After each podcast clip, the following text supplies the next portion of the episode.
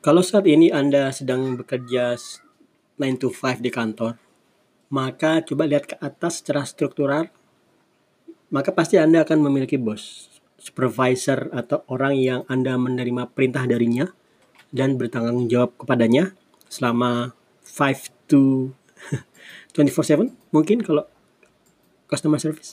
Nah, intinya adalah kerja 9 to 5 itu bisa menjadi neraka jika kamu memiliki bos yang tidak menyenangkan bos yang marah, uh, bos yang tidak pengertian, bos yang mau nggak mau Anda harus melapor kepadanya meskipun bos itu membuat Anda tertekan batin. Saya pernah memiliki pengalaman bekerja di salah satu instansi yang bosnya tidak terlalu menyenangkan bagi anak buahnya. Anak buah sering ngeluh dan kita ngobrol-ngobrol di belakang Jawabannya adalah ya mau bagaimana lagi Pak Eko. Kita kan sudah jadi ikatan jadi harus diterimalah disyukuri. ya menyukuri itu sesuatu yang wajib. Tapi jika kamu bisa memilih, maka pilih. Jangan mensyukuri. Mensyukuri belakangan. Oke. Nah, kalau kamu kerja 9 to 5, kamu tidak akan bisa memilih bosmu.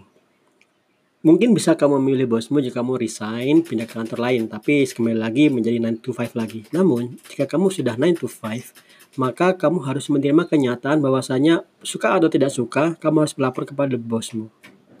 Atau apakah bosmu baik apa tidak baik, menyenangkan atau tidak menyenangkan, kamu harus menjadikannya dia sebagai orang yang kamu patuhi. Bayangkan kalau kamu melakukan ini selama bertahun-tahun. Tidak menarik. Nah, berbeda dengan pekerjaan remote work, kerja remote work tentu tetap ada orang yang di mana kamu melapor kepadanya saya tetap melapor kepada uh, technical coordinator atau langsung ke CTO, tetap melapor. Namun karena jaraknya jauh, komunikasi komunikasi kita hanya sekedar sebutnya sebutunya saja, sekedar komunikasi via Slack atau email itu aja. Jadi saya nggak butuh dengar suaranya, tidak butuh dia untuk uh, mendengar suara dia memerintah dan lain sebagainya. Kalaupun dengar suaranya hanya sekali sehari saat stand up, gak sampai 15 menit, atau dalam sebulanan kita ketemu untuk sprint planning kita ngobrolin dengar suaranya itu cukup. Sehari-hari terserah.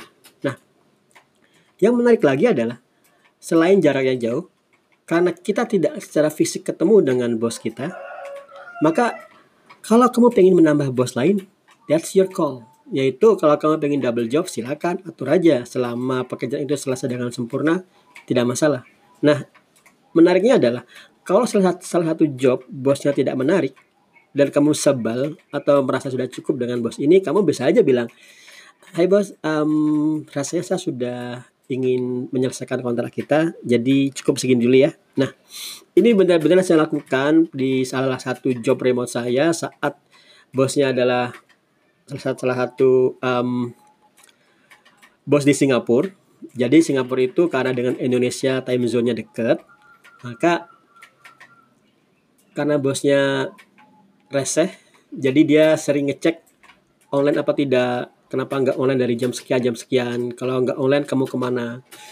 Bagi saya itu sama aja dengan kerja onsite maka setelah nahan perasaan sekitar sebulanan dua bulanan saya putuskan saja bos tersebut itu saya pecat bosnya dan saya fokus ke bos yang lebih menyenangkan aja nah ini hal yang nggak akan bisa kamu lakukan. Kalau kamu memilih bosmu di onsite, maka bosmu itu akan menjadi bos yang kamu selalu bertanggung jawab kepadanya selama kamu masih ingin digaji. Oke, beda dengan yang tadi. Kalau saya remote tadi, saya bisa memiliki beberapa bos dan jika bos tersebut sudah menyebalkan, saya stop aja. Nah, um, posisi seperti ini Posisi hidup tanpa bos itu bisa membuat kamu bekerja dengan rileks. Kamu hanya bekerja fokus kepada resultmu saja. Kamu tidak perlu mendengar suara orang yang mengatur, melakukan micromanagement kepada dirimu atau komplain kepada kamu yaitu kenapa kamu telat 10-15 menit hari ini, kenapa kamu begini, begini, begini, dan lain sebagainya. Tapi ini bukan berarti kerja remote adalah kerja yang tanpa performa performance evaluation ya. Saya tetap melakukan performance evaluation dalam sebulan tetap ada uh, dalam tiga bulanan kita ada performance evaluation tergantung perusahaannya tapi tetap ada performance evaluation yaitu misalnya dicek Misalnya kenapa story point yang kamu kerjakan tidak sebanyak biasanya atau kenapa kamu minggu ini mengelok melakukan logging kerja tidak seperti biasanya dan lain sebagainya. Nah, tetap ada performance evaluation. Namun karena kantornya jauh, seakan-akan kamu bisa benar-benar bekerja dengan bebas. Bebas dalam artian waktu dan tempat bebas, namun performa tetap bagus. Nah, eh, teman-teman satu lagi untuk kamu saat bekerja remote, um, kamu benar-benar bisa menjadi bos dirimu sendiri. Oke, kamu bisa mengatur dirimu sendiri atau kamu bisa menjadi bos orang lain. Yaitu bayangkan nih, saya bekerja dengan tiga bos, tiga kantor, Kanada, Australia, Amerika.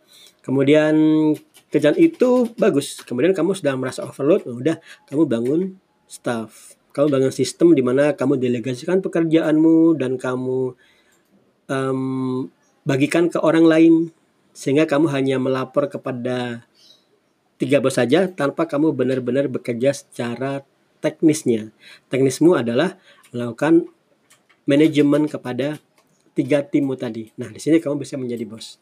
Nah, uh, bayangkan kalau kamu lakukan ini di onsite, maka kalau kalaupun kamu menjadi bos, yaitu kamu punya staff lain yang mengerjakan pekerjaanmu, maka kamu tetap harus melakukan banyak micromanagement, melakukan banyak meeting-meeting, yang itu kadang-kadang kita saat meeting kita mikir ini meeting useless banget sih, tapi demi melakukan tar melakukan performance evaluation, melakukan evaluasi kerja dan lain sebagainya itu harus dilakukan. Oke, okay? ya itu aja yang bisa saya sampaikan. Um, jadilah bosmu sendiri. That's the idea. Thank you.